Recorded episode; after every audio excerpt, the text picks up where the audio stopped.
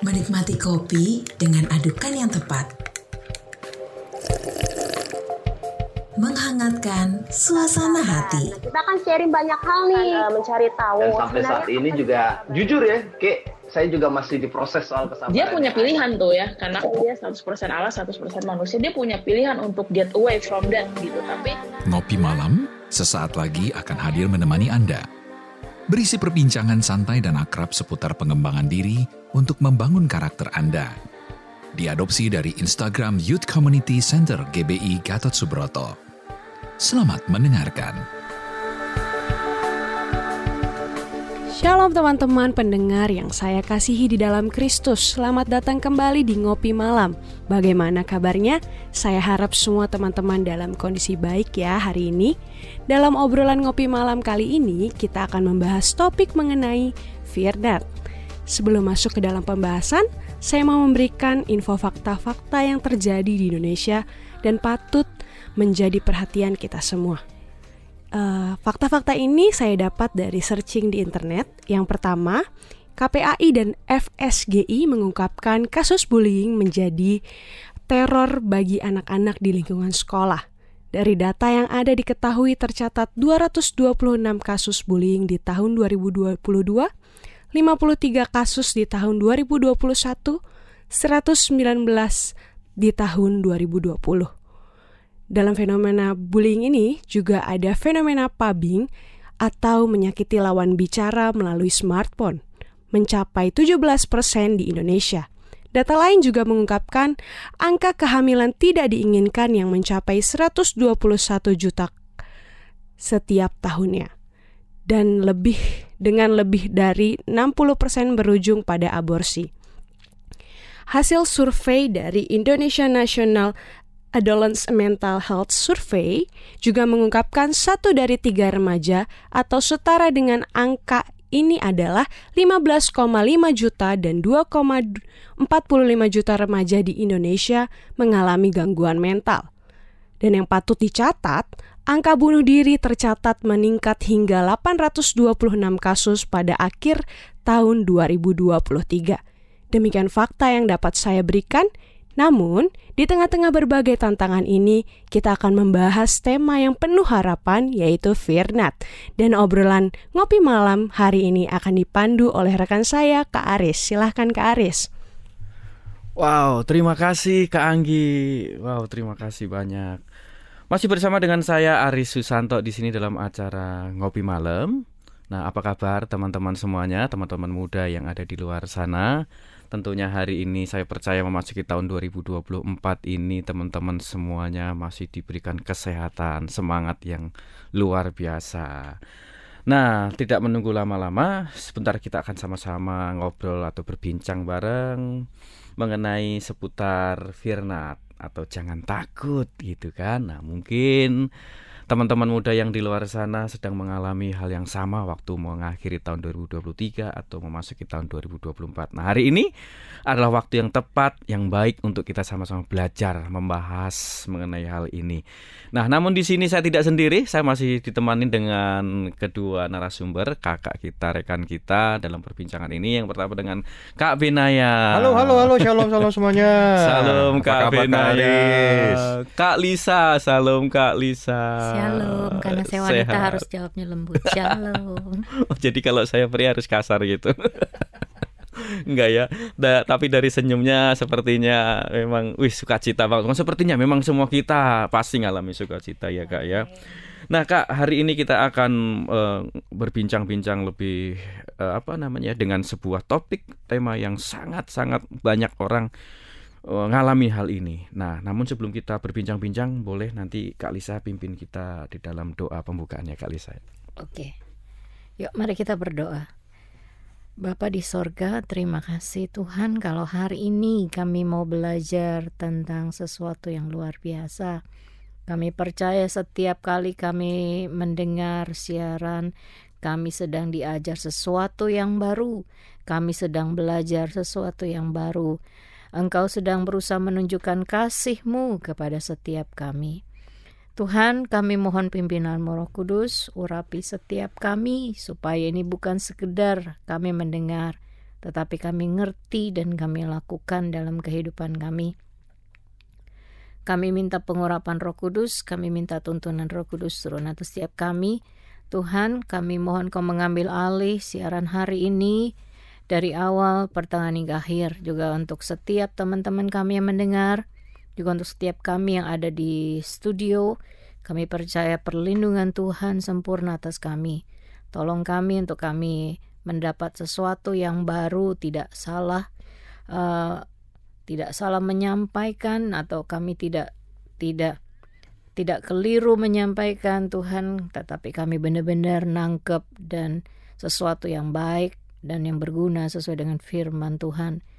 Terima kasih banyak ya Tuhan. Di dalam nama Tuhan Yesus segala pujian, hormat, kemuliaan hanya bagi nama Tuhan. Haleluya. Amin. Amin. Terima kasih Kak Lisa. Sama-sama Kak. Ya. Uh, lebih lanjut kita akan bahas mengenai topik jangan takut.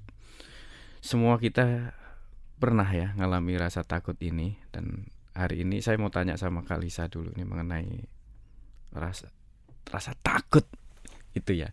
Kak Kak Lisa pernah mengalami pernah merasakan rasa takut itu? Pernah, Kak. Pernah ya? Lumayan sering bahkan. Lumayan sering ya. nah, kalau ada pertanyaan gini, takut itu sendiri sebenarnya satu kondisi yang seperti apa sih kak? Karena kakak juga ngalamin ya, semua kita ngalamin. Tapi yes. dari kakak sendiri gimana kak? Nah saya nih uh, dapat uh, ngebaca uh, membaca dari kamus besar bahasa Indonesia itu ra, uh, takut itu ternyata nggak semuanya negatif kak. Ah. Saya bacain aja ya. ya arti dari takut itu sendiri ya. Yang pertama merasa ngeri, menghadapi sesuatu yang dianggap akan mendatangkan bencana itu satu. Yang kedua tidak berani. Yang ketiga itu gelisah, khawatir. Nah, ini kan konotasinya negatif ya kak. Tetapi ternyata puji Tuhan ada yang positif. Hmm. Positifnya inilah uh, takut ini juga membuat kita menjadi takwa, segan dan hormat kepada Tuhan. Hmm. Nah, jadi uh, takut itu adalah ya kembali kepada kita uh, negatif atau positif mm -mm. Gitu Betul. respon kita uh, uh. akibatnya itu kak ya bisa yes. negatif bisa positif tergantung yeah. kita yes dikuasai betul. rasa takut itu apa enggak gitu yes, ya betul ada lagi kak itu dulu kalau nggak ada saya mau tanya sama kak Vina ya dari pendapatnya kak Vina pernah pernah punya dalam kondisi keadaan takut kak Pernah sih atau nggak ada? iya. Tadi seperti yang disampaikan oleh Kak Lisa itu ya, memang benar ya. Kalau dilihat dari KBBI ya, ada takut yang positif itu lebih kepada rasa kagum, hormat dan semuanya. Kalau di dalam kita ini kan ada juga uh, istilah takut akan Tuhan.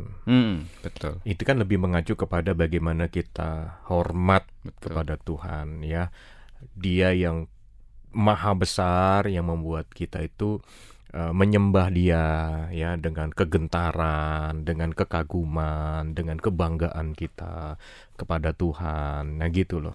Itu yang namanya takut akan Tuhan. Itu yeah. positif nggak? Positif. Yeah. Yang negatifnya gimana? Ketakutan sama Tuhan. Ah itu yang nah boleh. itu yang dialami oleh Adam dan Hawa di Taman Eden. Oh. Ketika mereka berbuat dosa, mereka ya. ketakutan kan? Ya, itu yang betul. membuat mereka sembunyi tuh. Ah itu yang nggak boleh. Nah, kenapa? Karena ada hubungan yang rusak di situ kan. Ya. Karena mereka melakukan sesuatu yang uh, melanggar apa yang dikatakan Tuhan, membuat mereka ketakutan dan memilih untuk bersembunyi tuh hmm. di situ.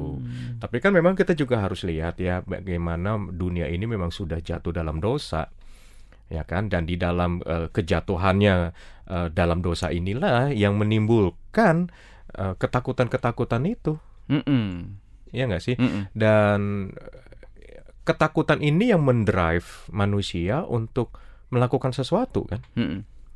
ya misalnya ekspresinya begini nih misalnya misalnya kalau dia mengalami ketakutan karena melihat wah persediaan makanan sedikit ya ekspresinya apa Ekspresinya yang paling sering kita lihat adalah dia jadi pelit nah. untuk berbagi. Kenapa? Karena dia berpikir kalau saya kasih nanti saya sendiri makan apa misalnya. Itu ketakutan nggak? Hmm. Ketakutan Mm-mm, kan? Ketakutan. Nah, tapi juga ada juga yang positif misalnya. Ya, misalnya begini. Di mana rasa takut itu membuat kita melakukan antisipasi Mm-mm. supaya apa yang kita takutkan itu tidak terjadi. Mm-mm. Contoh, contoh. Wah, saya takut nggak naik kelas. Mm-mm. Berarti antisipasinya apa? Mm-mm. Ya harusnya kan belajar. Iya. Bener nggak? Iya. Nah, dari situ kan kita bisa memanage rasa takut kita ini menjadi sesuatu yang baik buat kita. Mm-mm. gitu. Misalnya eh, ketika kita keluar dari rumah ya, terus kemudian kita kunci pintu. Mm-mm. Kenapa? Karena ya antisipasi. Mm. Ada ada rasa takut dalam diri kita kalau pintu kebuka lebar, nggak ada orang di rumah, maling bisa masuk mengambil barang-barang kita. Mm-mm. Nah, sebagai antisipasinya gimana? Ya kita kunci pintunya. Mm. Betul ya. Hmm. Jadi eh, semua manusia pernah mengalami rasa takut. Oh iya, Mm. Ya, tetapi ada yang bisa kita antisipasi, tapi juga kita harus catat baik-baik. Ada ketakutan yang datang yang mendadak, Mm. ya, dan itu yang sering kali tidak bisa kita antisipasi. Mm-mm. Misalnya kematian mendadak dari orang yang kita kasihi, Ya. Di mana orang ini selama ini ya adalah orang yang menjadi tulang punggung keluarga, misalnya. Lalu tiba-tiba orang ini nggak ada, Mm. ada ketakutan nggak? Mm. Ketakutan. Nanti saya tinggal sama siapa? Betul. nanti masa depan saya seperti apa betul nggak sih Betul. nah itu itu ketakutan nggak Mm. ketakutan Mm. ya nah itu nggak bisa diantisipasi loh Hmm. atau eh, bisa juga sih kita mulai mempersiapkan diri ketika melihat orang yang kita cintai yang adalah tulang punggung keluarga sakit terus kemudian dirawat berbulan-bulan terus kondisinya mulai menurun pelan-pelan. Dan sebetulnya di situ kita bisa mulai harus siap-siap kan? Hmm. harus siap-siap untuk wah kalau nanti nggak ada gimana harusnya? Hmm. tapi kan ada juga sikap yang mengatakan begini enggak lah saya percaya dia pasti sembuh saya percaya dia pasti sembuh. Betul tapi kemudian kenyataannya ternyata orang yang kita cintai ini pulang ke rumah Bapa di surga. Artinya kan apa yang kita harapkan kok nggak terjadi Mm-mm.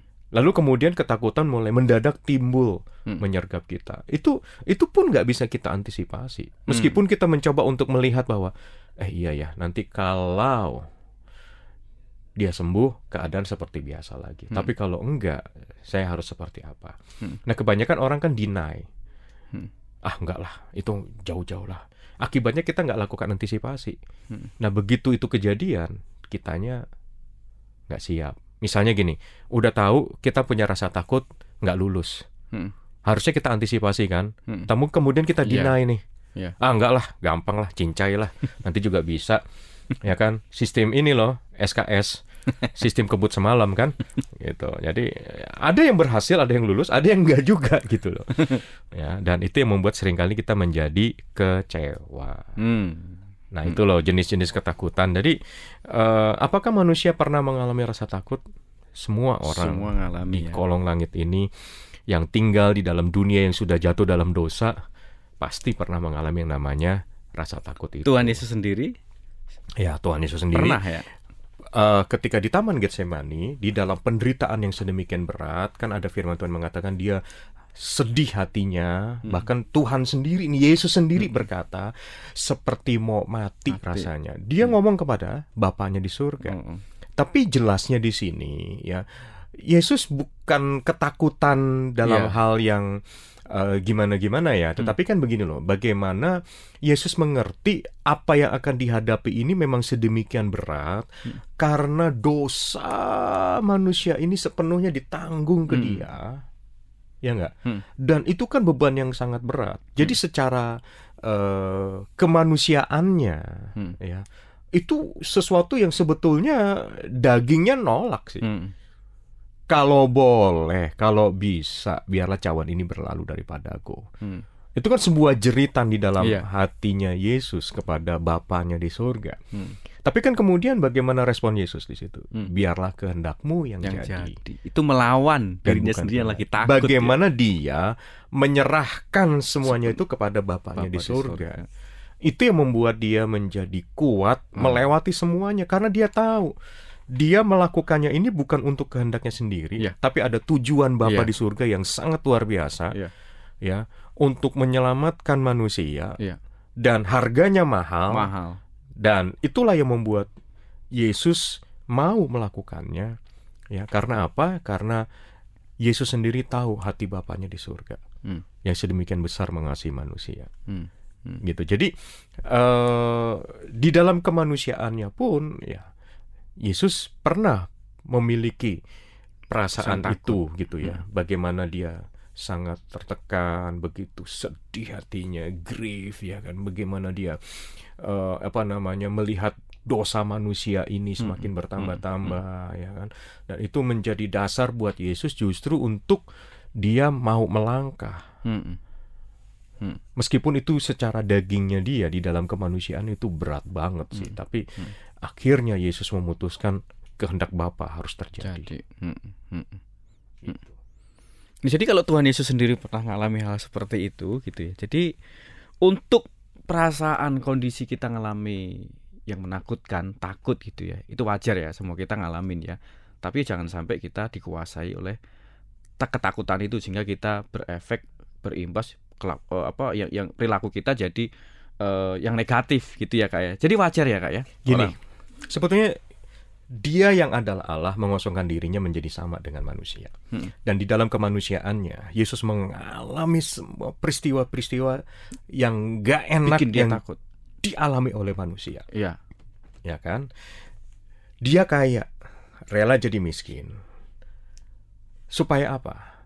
Supaya melalui penebusannya, kita tidak terus-terusan miskin. Mm Kita menjadi kaya. Mm Dia yang sehat, mm menjadi sakit melalui penderitaan yang bertubi-tubi yang Yesus harus hadapi hmm. supaya oleh bilur-bilur Yesus kita yang sakit hmm. menjadi sembuh. Hmm. Oke. Okay? Hmm. Dia yang Allah yang penuh damai sejahtera hmm. mengalami peristiwa yang sama seperti manusia pernah diliputi perasaan takut itu. Hmm. Tetapi melalui penebusannya hmm. sesungguhnya hmm. ya membuat alasan kita takut itu tidak ada lagi. Hmm. Sehingga kita tidak lagi menerima roh ketakutan, hmm. tetapi menerima damai sejahtera. Hmm. Kenapa? Karena Yesus itu sendiri. Yeah. Nah, jadi wajar, ya bisa. Bisa. Wajar. Wajar. Karena apa? Semua manusia pernah mengalami hmm. ketakutan. Tetapi Tapi, kalau kemudian kita terikat oleh yeah. ketakutan itu, ya yang membuat jadinya kita ini lumpuh kan. Ya. Kehilangan damai sejahtera ini membuat kita tuh nggak bisa ke mana-mana. Betul. Yang membuat kita tuh nggak produktif. Betul. Kenapa? Karena mau melangkah aja udah udah ada ketakutan-ketakutan yang yang menghalangi kita kan. Hmm. Nah itu. Hmm. Makanya Tuhan mau katakan kepada kita jangan takut. Jangan takut. Gitu. Nah kalau gitu kak untuk orang-orang yang sekarang ini teman-teman muda yang lagi dengerin obrolan ini hmm. ya ngopi malam ini mungkin sedang mengalami satu kondisi takut atau bahkan ketakutan hmm, gitu ya. hmm, hmm. gimana sih kak solusinya? Buat buat kitanya yang lagi wah sekarang saya lagi ketakutan nih. Gimana sih solusinya? Kak Lisa dulu boleh kak? Ada tips nggak kak? Ada solusi yang gimana nih kak? Oke, jadi artinya secara negatif ya kan? Ya betul. Gitu ya. Uh -uh. Nah itu sebenarnya ada sebuah situasi yang melelahkan, betul ya? Mm -mm. Capek kak. Capek, melelahkan itu kan membuat kita menderita sendiri, mm. gitu kan? Nah kalau saya pribadi adalah begini, daripada saya melelahkan diri saya sendiri, mm lebih baik saya belajar uh, menyerahkan apa yang menjadi kelelahan saya itu kepada yang saya tahu seorang pribadi yang sanggup menolong saya hmm. satu hmm. seorang pribadi yang sudah uh, pernah merasakan apa yang saya alami hmm. seorang pribadi yang saya tahu ini sanggup uh, membawa saya dalam satu kemerdekaan demi kemerdekaan hmm. siapa pribadi itu yaitu Tuhan Tuhan Nah, saya berus saya akan menyerahkan semuanya. Hmm. Dan setelah saya serahkan semua, saya nggak akan ambil lagi. Iya. Alangkah bodohnya saya Betul. kalau saya sudah serahin sama Tuhan ketakutan saya, problem hmm. saya ke Tuhan, lalu saya bilang ini nggak apa-apa deh Tuhan, saya pegang lagi. Itu kan bagaimana gitu ya? Iya. Nah, bagaimana supaya saya nggak pegang lagi Mm-mm. eh, ketakutan saya itu? Hah? Khususnya untuk masa depan, Ah, masa depan. tuh kan ya? Banyak orang takut di situ loh, Kak. Iya. ya karena itu adalah sumbernya. Jadi jadi kalau kita ketakutan akan masa depan yang tidak Hah? terlihat, Hah?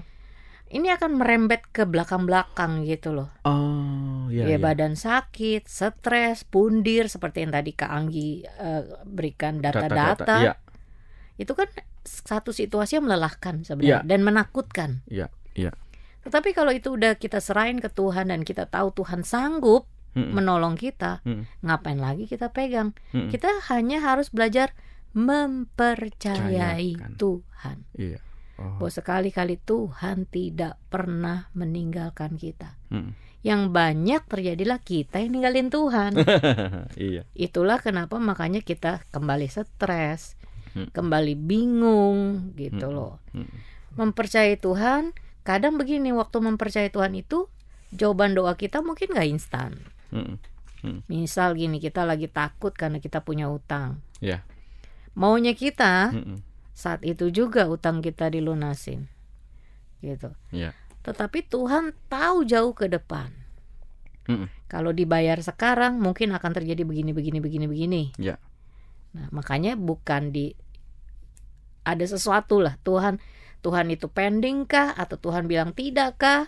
Itu tapi yang penting belajar percaya aja seperti eh, eh, kakak-kakak ya eh, yang kita udah punya anak. Kita Hmm. tahu kan? Mm. nggak mungkin lah kita kasih yang jelek sama anak kita. Iya, betul. nah anak kita minta apa? Misalnya anak Kak Bena Richard. Hmm. Wah, aku mau minta mobil. Hmm. dikasih nggak kak?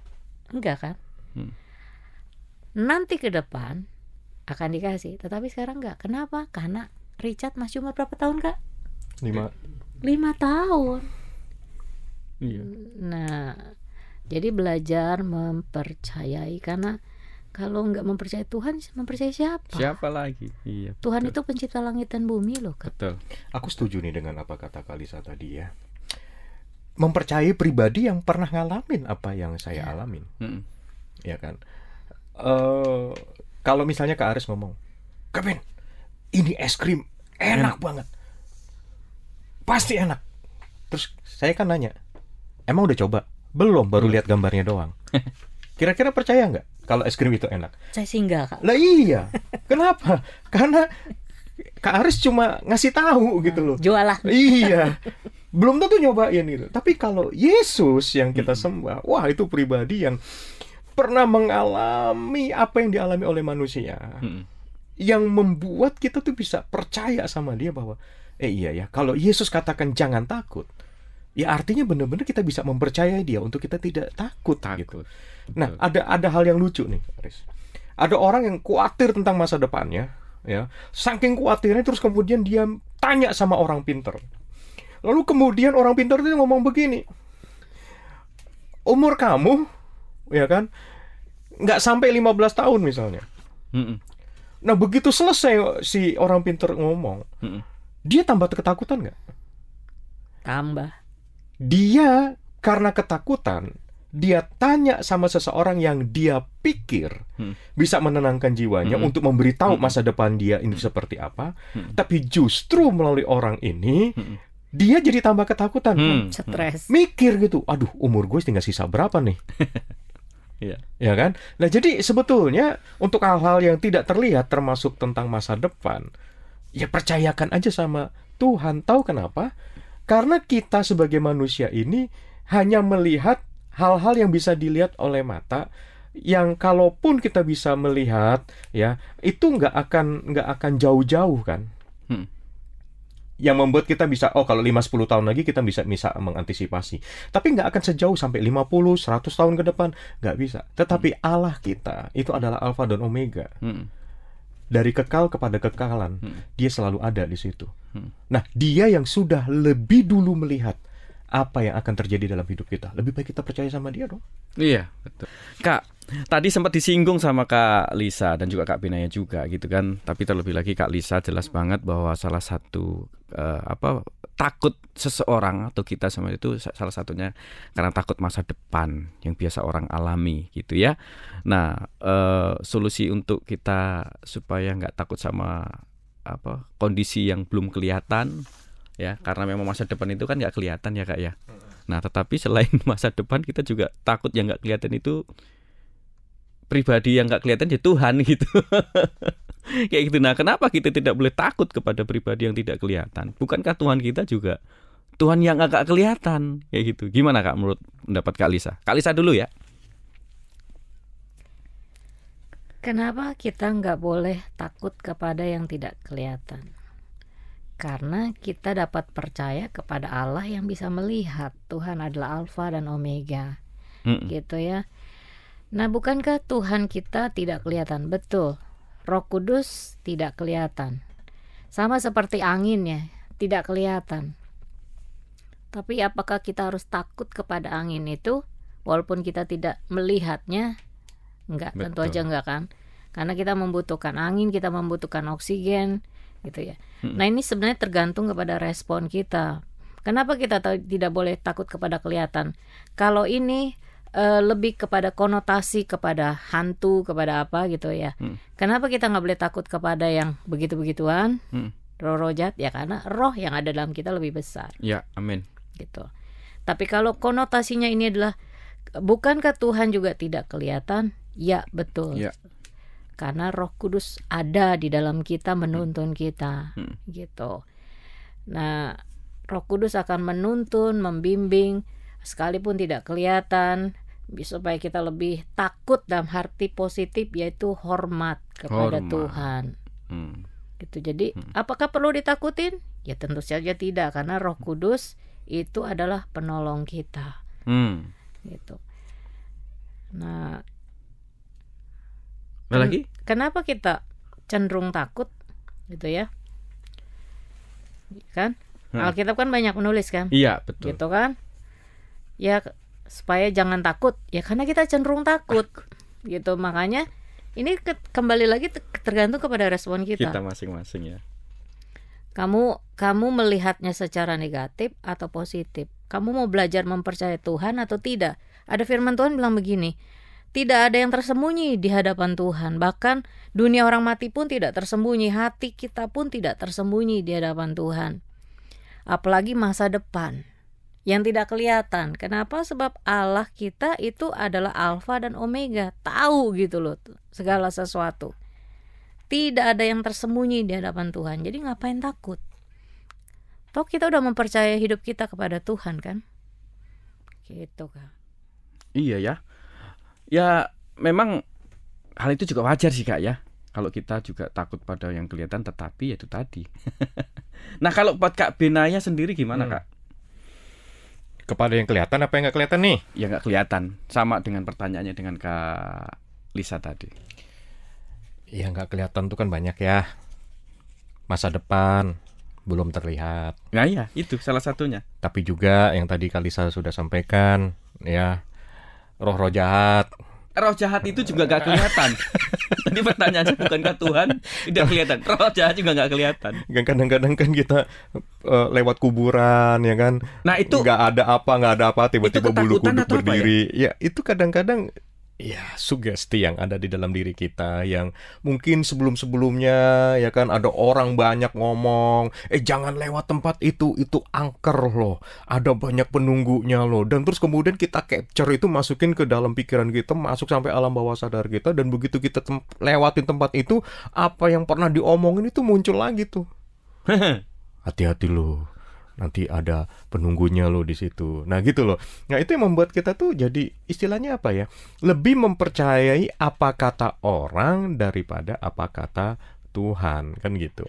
Nah sekarang kalau kita bisa lihat juga kepada kebenaran firman Tuhan, Tuhan sendiri udah ngomong dalam firmannya. Nah. Jangan kamu khawatir tentang apa yang kamu makan, minum, pakai yang which is itu juga kita bisa tarik dong hmm. sampai kepada tentang masa depan kita. Yeah. Ya, kenapa? Karena kan kita punya Bapa di surga, ya.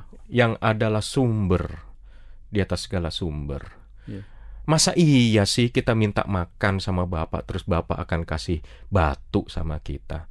Kita bapak jasmani aja kan nggak begitu Betul. sama anak-anak kita, bener nggak? Betul. Apalagi bapak di surga. surga. Nah, firman Tuhannya kan udah jelas ya. ngomong seperti itu. Misalnya nih, ya Matius 10 ayat 29 sampai 31, bukankah burung pipit dijual dua ekor seduit, namun seekor pun daripadanya tidak akan jatuh ke bumi di luar kehendak bapakmu. Ini urusan burung pipit loh.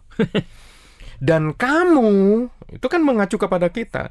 Rambut kepalamu pun terhitung semuanya. Hmm ya kan? Sebab itu janganlah kamu takut karena alasan yang nggak boleh takut kenapa? Karena kamu lebih berharga daripada banyak burung pipit. pipit. Nah firmannya udah ngomong begitu ke kita nih. Respon kita. Nah, apakah kita percaya kepada firmannya atau kita tetap percaya dari apa kata orang, orang. tentang situasi, keadaan, ya kan? Apalagi kalau kita datang ke orang-orang pinter lah, dukun-dukun yang meramal semuanya. Wah kan biasa ya, menjelang akhir tahun ada banyak orang yang mencoba untuk merawal begini-begini lewat kartu tarot lah, lewat sio lah, Pengalaman lewat kayaknya. apa semuanya di situ ya kan. Terus kemudian kita masukin semuanya ke dalam pikiran kita dan kemudian wow, iya, jangan-jangan gue yang jadi korbannya nih. Iya Nah kan kita jadi ketakutan. Mm -mm. Awas nanti ada gini. Terus kemudian ah jangan ke sana. Padahal belum kejadian ya kak ya. Nah itu dia. Mm. Gitu loh. Jadi itu semua kan akan me, me, me, mengubah dan menggeser mm. belief system yang ada dalam diri kita. Mm. Kita lebih masukin yang mana nih? Mm. Inputan-inputan yang lebih banyak. Mm. Apa kata manusia? Apa kata Tuhan? Mm kan gitu loh. Yeah. Nah kalau kita mau percaya dengan apa kata Tuhan, hmm. terus kemudian kita terus membangun iman kepercayaan kita di situ dengan banyak merenungkan firman, ya kan?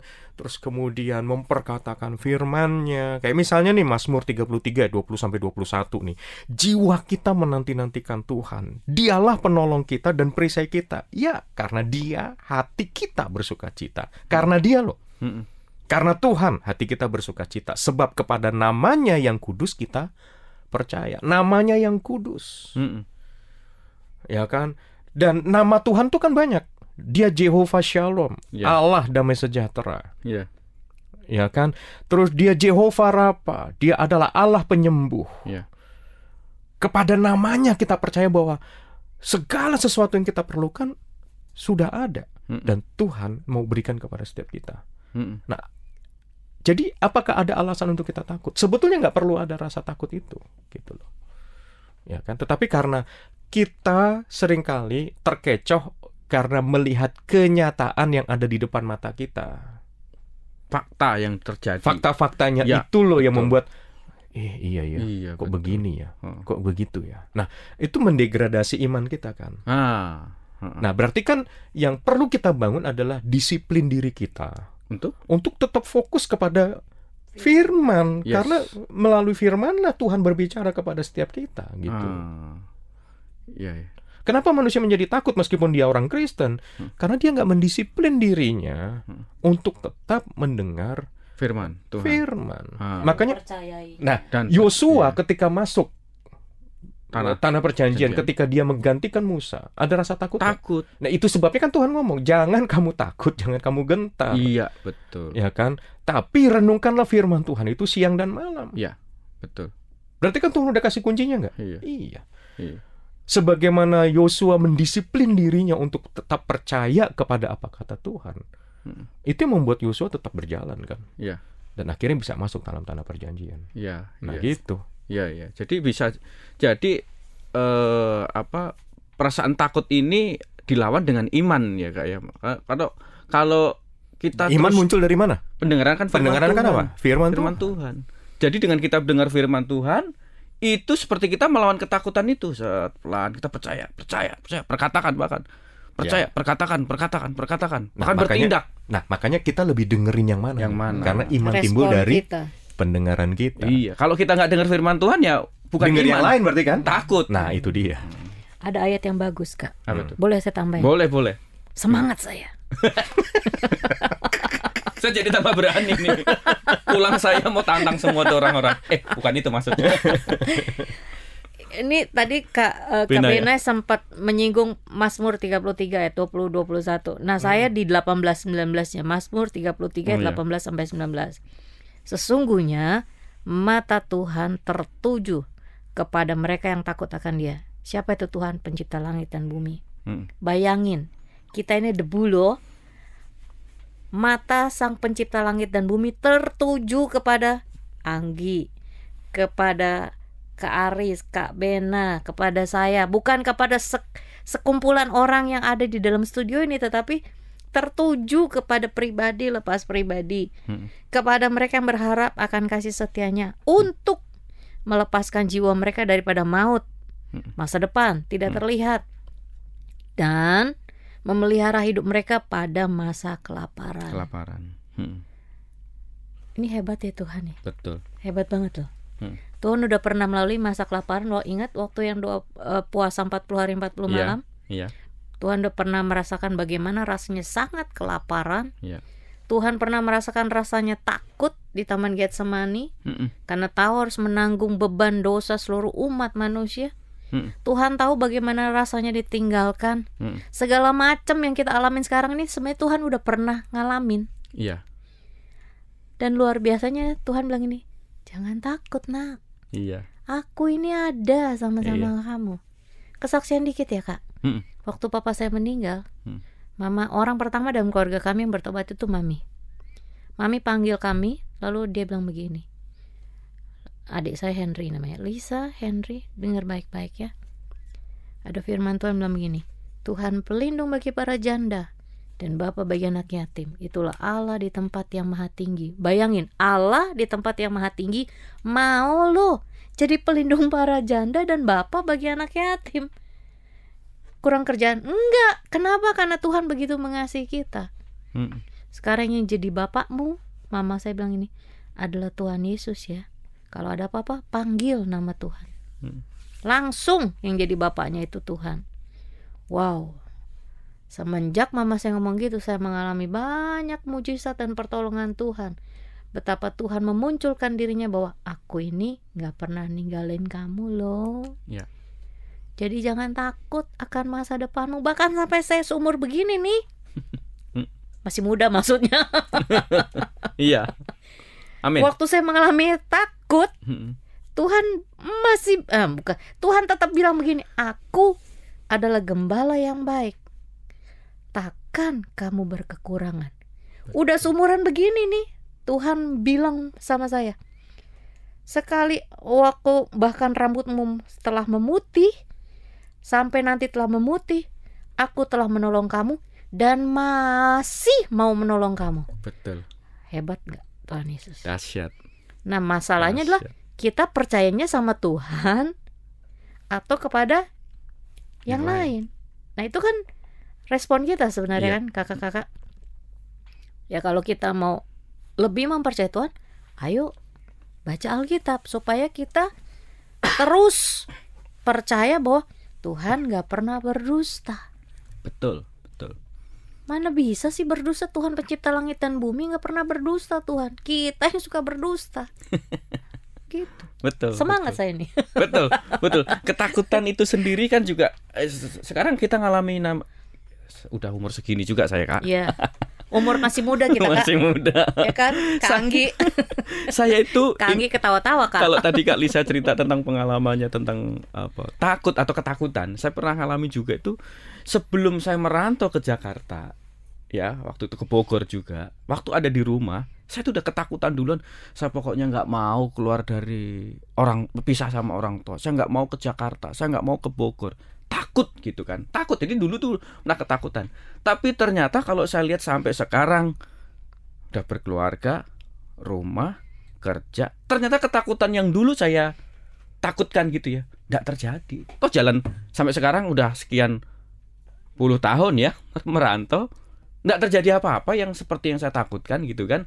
Nah sebenarnya apa sih yang perlu kita takutkan? Bahwa ser- berapa? Kalau saya sendiri apa yang saya takutkan belum tentu terjadi. Tetapi kita sudah ambil duluan ketakutan itu membu- membuat kita itu lemah kita itu nggak apa nggak berani untuk mencoba nggak berani untuk melangkah Jadi gitu. stres sendiri kan. Stre- iya stres sendiri waktu itu orang tua sama kakak saya sampai membujuk saya, ayolah begini, sudah dikasih tahu. Tapi begitu sudah ngelewatin sekian puluh tahun ada di Jakarta dan di Bogor, Oh iya, benar kata orang tua saya.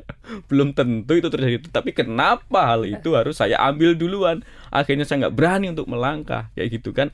Tapi di sini ada firman Tuhan. Ya istilahnya waktu itu kan orang tua saya yang nasehatin ya. Nah, ayolah begini-begini. Ada kakakmu di sana. Tapi di sini ada waktu di tengah-tengah perantauan yang mungkin jauh dari keluarga. Kalau saya ya jauh dari keluarga, ada firman Tuhan kali ya yang yang menguatkan. Bukan kali ya pasti gitu ya yang menguatkan kita. Ayo jangan takut. Nah jadi Kak Benaya hmm. maksudnya Alkitab nih secara lebih detail lagi gitu ya lebih rinci lagi. Maksudnya Alkitab kalau uh, ada firman Tuhan jangan takut. Jadi sebenarnya Tuhan itu maksudnya apa? Lebih kalau, kalau tadi kan udah dijelasin secara panjang dan lebar. Kalau lebih ringkasnya lagi Ya karena Tuhan sudah yang melihat dari kekal kepada kekal. Sudah tahu duluan sudah agenda tahu. ke depannya kamu seperti ini. Satu, yang kedua, ah, iya, yang kedua, Tuhan sudah pilih kita bahkan sejak sebelum dunia dijadikan. Sudah tahu blueprintnya duluan. Iya. Ngapain kamu? Tahu? Jadi lahirnya Kak Aris ke dunia ini, Tuhan udah punya tujuannya. Ya ya, tinggal kitanya. Jadi ya. bukan sebuah kebetulan. Nah, saya pernah lihat film atau Mr. Bean ya. Tiba-tiba tuh orang kan jatuh dari langit gedebuk gitu kan. Uh. Ya nggak begitu kali. Saya kira begitu. Ternyata nggak gitu. Terus? Ya semua itu ada ada tujuan Tuhan loh ke bumi ini. Oh, iya iya iya betul. Nah sekarang kita lebih percaya kepada tujuan Tuhan di dalam diri kita atau jangan-jangan ada hal-hal yang lain, agenda yang lain hmm. di dalam diri kita. Betul. Nah, sehingga membuat ketika segala sesuatu yang gak enak itu terjadi dalam diri kita, hmm. ya kita gampang banget nyalahin Tuhan, nyalahin orang di sekeliling kita, keadaan hmm. dan semuanya. Hmm. Padahal kalau kita nangkep tujuan Tuhan di dalam diri kita, ingat loh dia Bapak yang baik. Dia tidak akan merancangkan rancangan yang jahat kepada anak-anaknya. Ya. Rancangan Allah itu adalah rancangan damai sejahtera. Hmm. Percaya aja di situ bahwa Bapak kita di surga bukan Bapak yang jahat. Ya. Kalaupun Amin. ada hal yang nggak enak di dalam diri kita, dia pakai itu semua untuk mendatangkan kebaikan buat kita. Amin. Jadi tetap kan kembali lagi segala yang baik Tuhan beri buat kita. Mm -mm. Bahkan kalau ada yang nggak enak terjadi dalam diri kita, Tuhan bisa pakai itu, ya, untuk mendatangkan kebaikan, kebaikan buat kita. Buat... Jadi kita yang bertambah dewasa, hmm. kita bertambah matang, cara berpikir kita diperluas, respon kita diperbaiki. Hmm. Nah lebih itu sabar, lebih sabar, lebih murah hati, hmm. lebih hmm. tenang, gak gampang gitu. marah. Uh, iya, itu juga semuanya benar gak sih? iya betul. Ya kan? Padahal kan untuk bisa menjadi Kak Lisa yang nggak marah-marah kan sering kali diperhadapkan dengan orang-orang yang sering kali menyulut Kalisa untuk gampang marah kan gitu. eh ketawanya udah. Kok jadi begini? Nggak nyaman buat Kalisa tapi itu dipakai Tuhan untuk mendatangkan kebaikan buat Kalisa kan gitu. Iya. Musa 40 tahun di padang gurun emang enak. Enak, iya. Setiap kali tuh orang Mesir eh orang Mesir, orang Israel kan Prote ringan tangan ya. Prot ya. Maksudnya bukan suka menolong, tapi dikit-dikit angkat batu pengen ngelemparin Musa. iya. Itu tangannya enteng banget tuh gitu. Setiap hari diperhadapkan dengan situasi yang seperti itu tuh. Tapi hasilnya kan dahsyat. Iya. Musa adalah seseorang yang sangat lembut hatinya. Itu predikat yang Tuhan kasih kepada Musa.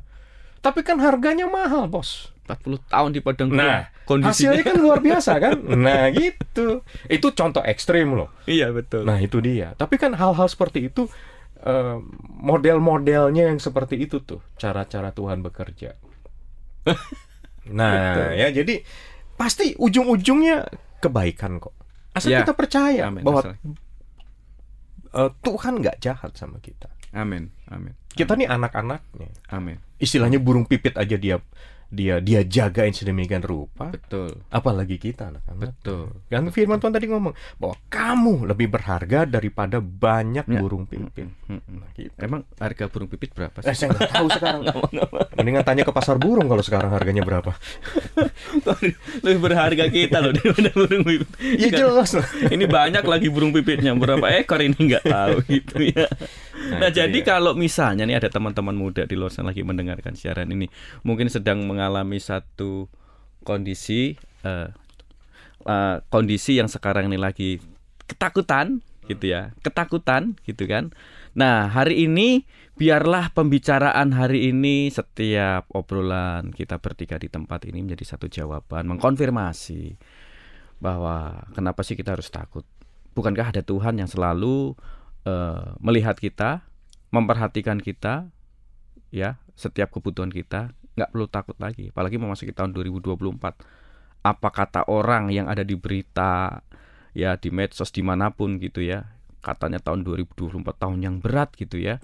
Tapi hari ini Tuhan mau katakan ya dari sharing-sharing tadi dari Kak Benaya Kak Lisa jangan takut percayakan sama Tuhan.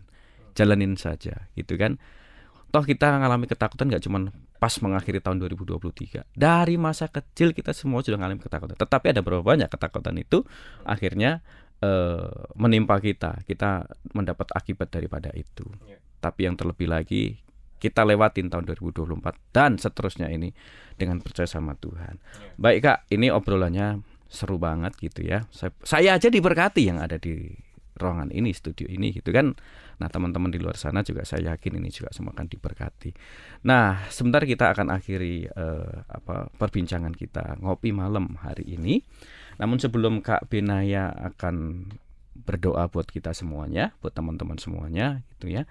Um, saya akan bacakan hal-hal yang bisa menjadi pegangan kita ya. Pesan yang dibawa pulang di tempat kita masing-masing. Ya, yang pertama adalah jangan takut akan masa depan, yang tidak kelihatan atau apa pun itu, sebab Tuhanlah yang melihat, mengetahui dan memegang masa depan setiap kita semuanya. Dan yang kedua, hidup kita ini dikuasai ketakutan. Hidup yang dikuasai ketakutan adalah keberadaan yang menyedihkan dan melelahkan. Oleh sebab itu serahkan ketakutan itu dan kecemasan kita hanya kepada Tuhan. Nah, biarlah pesan ini menjadi satu kekuatan buat setiap kita semuanya dalam menjalani hari-hari kita. Baik, sebentar kita akan akhiri, namun sebelumnya kami minta kesediaannya Kak Binaya untuk berdoa buat kita semuanya. Mari kita berdoa. Bapak terima kasih buat firman Tuhan hari ini yang mengajarkan kepada kami untuk tidak perlu takut. Kami belajar hari ini bagaimana kami mengantisipasi rasa takut kami akan masa depan. Engkau memberikan pikiran kepada kami untuk boleh mempersiapkan segala sesuatu untuk mengantisipasi masa depan kami. Tetapi ketika segala sesuatu sudah kami lakukan, sudah kami kerjakan, yang terbaik sudah kami upayakan, tapi kami mau tetap Tuhan menyerahkan semuanya ke dalam tangan Tuhan dan percaya abis bahwa Tuhanlah yang mengendalikan segala sesuatu yang ada di dalam kehidupan kami. Terima kasih Tuhan Yesus kalau ada teman-teman kami yang hari-hari ini sedang diliputi oleh ketakutan. Kami berdoa di dalam nama Yesus, kami patahkan segala roh ketakutan yang ada dalam kehidupan teman-teman kami ini dan sebagai gantinya kami lepaskan damai sejahtera, sukacita, kebaikan-kebaikan Tuhan kasih yang berlimpah-limpah dari Tuhan penuh dalam kehidupan setiap kami dan setiap teman-teman yang ada di luar sana. Terima kasih Bapa, kami serahkan semua dalam tanganmu. Kami percaya Tuhan yang menghandle kehidupan kami, bukan hanya masa lalu kami, tapi juga masa yang sekarang dan juga hari-hari yang akan datang. Semua ada dalam kendali Tuhan yang perkasa. Terima kasih Tuhan untuk jaminan kemenangan, jaminan pemeliharaan, jaminan masa depan yang Tuhan berikan kepada setiap kami. Ketika kami berjalan bersama dengan Engkau, tidak ada yang perlu kami takutkan. Bahkan Tuhan firman-Mu sendiri berkata bahwa kami akan makan akan di hadapan lawan-lawan kami. Terima kasih Tuhan buat segala sesuatu yang Tuhan janjikan kepada kami, yang kami percaya akan menyingkirkan ketakutan-ketakutan di dalam diri kami. Di dalam nama Tuhan Yesus, kami berdoa dan kami mengucap syukur. Amin. Keberanian bukan berarti tidak takut, namun keberanian adalah kemampuan untuk mengatasi ketakutan. Dalam Tuhan kita menemukan kekuatan untuk menghadapi segala ketakutan. Jadi, fear not, karena kita memiliki Tuhan yang lebih besar dari segala ketakutan kita. Usai sudah pembahasan kita dengan tema fear not dalam obrolan ngopi malam kali ini. Sampai jumpa di minggu depan dalam pembicaraan menarik dan inspiratif lainnya. Goodbye and see you next time. Tuhan Yesus memberkati.